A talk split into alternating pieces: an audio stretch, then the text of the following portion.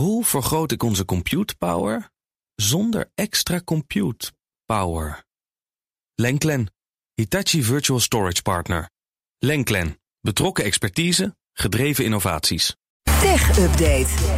Stijn Goosens is bij ons. En voordat wij straks naar de schaal van hebben gaan... en jij deze hele rol met uh, grote industriële wc-papier gaat aansteken... want zo ziet het er een beetje uit... Eerst even naar Twitter. Lekker teasend. Ja, die wil zich distancieren van afspraken over bestrijding van desinformatie. Ja, dan gaat het, en dan gaat het ook nog eens om een speciale EU, uh, een EU-verdrag uh, rond uh, desinformatie. Dat is een vrijwillig verdrag dat in 2018 ondertekend is door meer dan 30 grote online platforms. denk aan Meta, Google, Microsoft en TikTok ook. en in dat verdrag staan diverse beloftes voor de bestrijding van online desinformatie en de rol van die platforms. Zoals nauwe samenwerking met factcheckers. Uh, en het niet promoten van verspreiders van nepnieuws. En Musk wil zich nu terugtrekken met Twitter uit dat verdrag. En heeft daarover ook al contact gezocht met de Europese Commissie. Formeel moet het wel nog rondgemaakt worden. En sinds Musk uh, eigenaar, uh, eigenaar, is van Twitter, ja, wordt er minder streng gemodereerd op dat platform. En dat betekent ook dat desinformatie zich makkelijker verspreidt.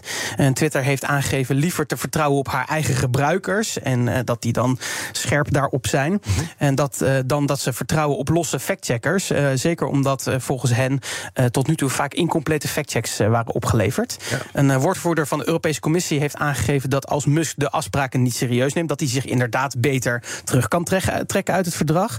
En dat verdrag is en blijft gewoon vrijwillig namelijk. Maar we hebben hier in Europa nog altijd wel een Digital Services Act, zo zegt de woordvoerder. Mm -hmm. En dat zijn regels waar je je wel aan moet houden. In die DSA staat bijvoorbeeld dat platforms zoals Twitter het risico op desinformatie actief moeten bestrijden. Dus dan ben je nog steeds uh, ja, eigenlijk hetzelfde aan het doen.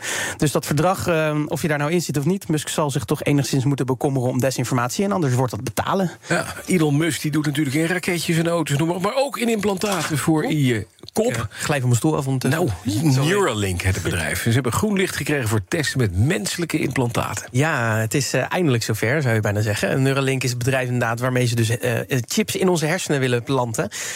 en die chips zouden dan mogen moeten maken om bijvoorbeeld mensen met een verlamming weer te kunnen laten lopen. Uh, um, maar de chips zouden ook moeten kunnen helpen bij autisme, depressie, volgens Musk allemaal. En zelfs bij telepathie en surfen op het web. Uh, nou, daar zijn we nog lang niet. Musk kondigde in 2019 al aan uh, dat, dat ze wilden gaan testen op mensen. Tot nu toe gebeurde dat op dieren. Ja. En daar waren dierrechtenorganisaties ook niet zo blij mee. Tot nu toe zijn er al 1500 dieren versleten, zeggen, zeggen media. en daar lopen ook allemaal federale onderzoeken naar. Maar de Amerikaanse Food and Drug Administration die heeft nu toch toestemming gegeven, ook voor tests op mensen. Um, en om die goedkeuring te krijgen, moest Neuralink diverse bezwaren van de autoriteit wegnemen, zoals issues met de batterij of de, uh, de kans dat de draden in de hersenen konden gaan verplaatsen.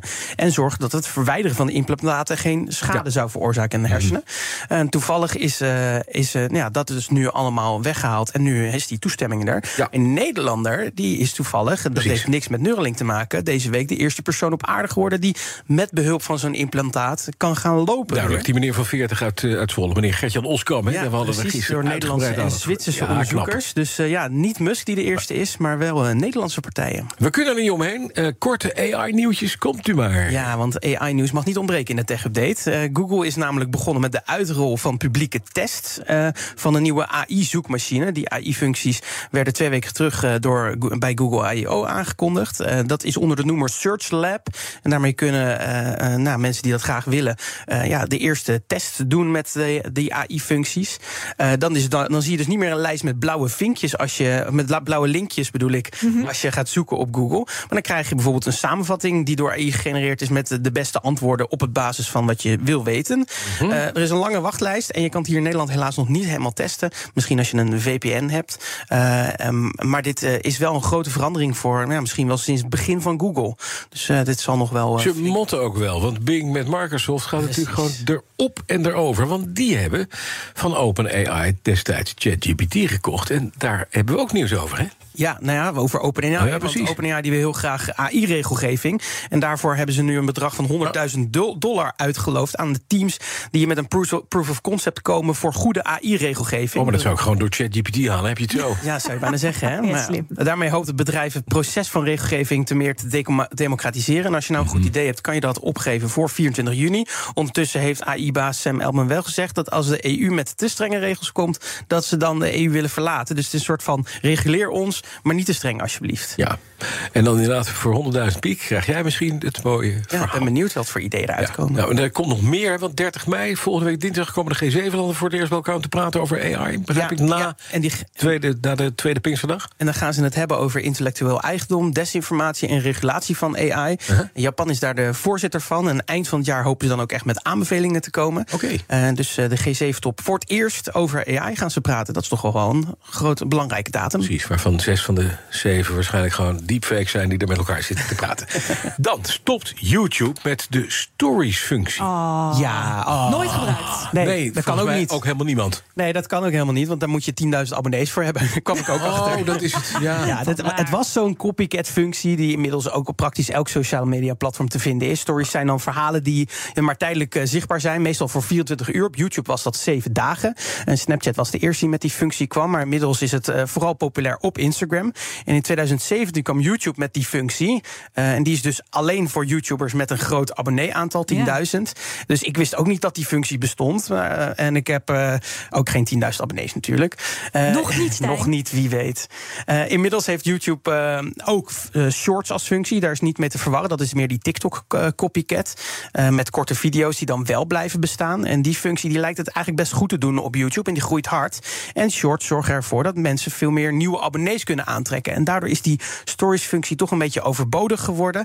En dus kapt eh, YouTube ermee vanaf 26 juni. Nou, dat is eh, overzichtelijk, zou ik bijna zeggen. Nou, ook Hebben we dus- eh, en hebben we dus uiteindelijk niks gemist. Nee. Nee, oké. Dan gaan wij naar... De schaal van hebben. Want het is vrijdag en dan staan er altijd dingen met snoertjes op tafel.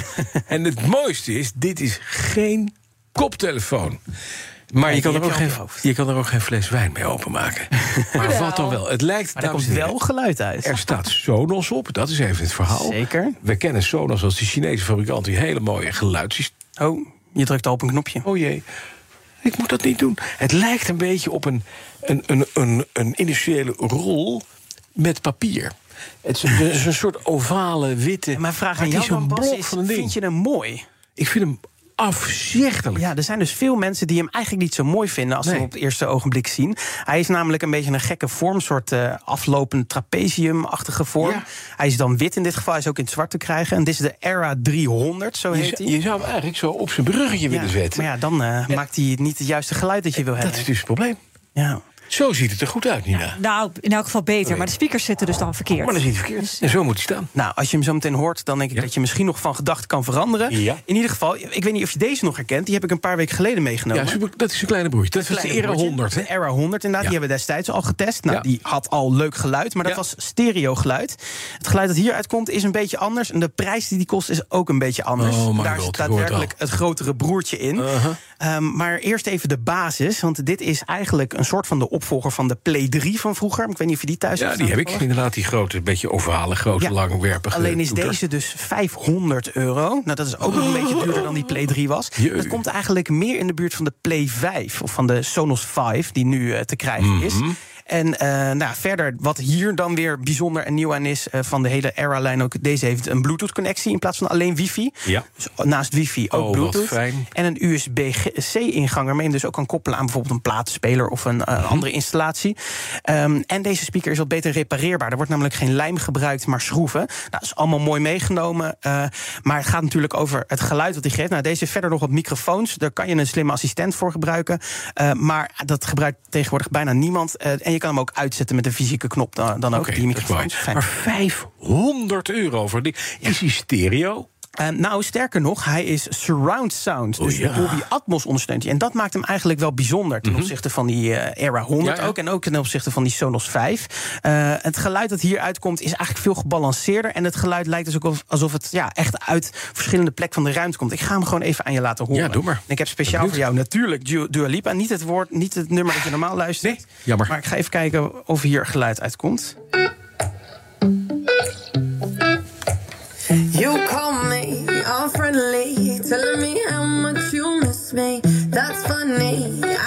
Ja, nou heb ik het, nou is het idee dus dat je dus eigenlijk die instrumenten veel meer door je ruimte heen hoort. Alsof ze van achter, van voor, van links, van rechts komen. Dat kunnen we het beste vragen aan Nina, want die staat er een stukje vanaf. Hoor je dat? Ja. Heb je het idee dat het uh, een beetje breder klinkt? Alsof ik vind het wel echt het geluid heel vol. Ja. Ja. En dat is best knap als je denkt dat het inderdaad daar uit die playhouder, ja, wc-rolhouder komt. Ja, je kan hem ook gewoon daarom... in, de wc, in de badkamer ophangen, oh, naast de wc. Nou, merk je niet. Dat galmt echt de hele kamer door dan. Ja, maar dat is, dat wel leuk. Ja, nou Dan ga je tenminste prettig naar de play. Het idee is dus wel, dit is een van de eerste speakers... die dus dat uh, Dolby Atmos surround geluid in, in zijn eentje ondersteunt. Normaal heb je daar meerdere speakers voor nodig. Maar dat is wel knap. Eén ding, dat Atmos werkt niet overal op. Hè? Nee, klopt. Uh, Spotify ondersteunt het bijvoorbeeld niet. Nee. Dus ik moest hier oh. een proefabonnement voor Apple Music bij gebruiken. Oh, dat is een uh, ja, ja, dat ligt dan wel weer een beetje aan Spotify natuurlijk. Apple Music ondersteunt het wel en Sonos eigen systeem. Uh, maar je moet hier echt voor gaan als je dat Dolby geluid wil hebben. Want die Sonos 5 wordt ook nog gewoon verkocht. En die heeft gewoon ook een heel goed geluid. Die is ongeveer ja. dezelfde prijs. Ik heb twee uh, Play 3's aan elkaar gekoppeld. Eén links, één rechts. Doet perfect. Ja, dus komt het geluid niet van boven. Dat is, nee, dat is, dat is waar. maar uh, al met al, ja, weet je, als je dit zo luistert... het is wel klaar voor de toekomst. Want surround geluid, zeker Dolby Atmos... dat ja. zal je steeds meer gaan tegenkomen. Dus wil je klaar zijn voor de toekomst... dan zou ik zeggen... hebben, hebben, hebben. En niet I don't need your love. Dat, nee, dat ging je niet zeggen. Nee, nee. dat niet. maar jij wil hem dus eigenlijk wel hebben. Voor 500 ja, Kijk, het is, het is veel geld. En je moet hier ook echt over nadenken. En ik zou ook zeker aanraden, kijk ook verder rond wat er nog meer is. Want je hebt ook speakers die je dus in een set kan kopen. En dan heeft hij ook Dolby, uh, Dolby ja. Surround. Ja. Maar het is zeker een speaker die uh, de komende tijd nog, uh, nog interessant gaat zijn om te bekijken. Ik vind het geluid briljant. Dat Mooi moet gezegd zijn. Zeker. Daar is het voor, hè? Voor moet geluid maken, uiteindelijk. Oei. Oei. Maar even sparen. Dankjewel. Stijn Goosens. De BNR Tech Update wordt mede mogelijk gemaakt door Lenklen. Lenklen. Betrokken expertise, gedreven resultaat. Hoe vergroot ik onze compute power zonder extra compute power? Lenklen. Hitachi Virtual Storage Partner. Lenklen. Betrokken expertise, gedreven innovaties.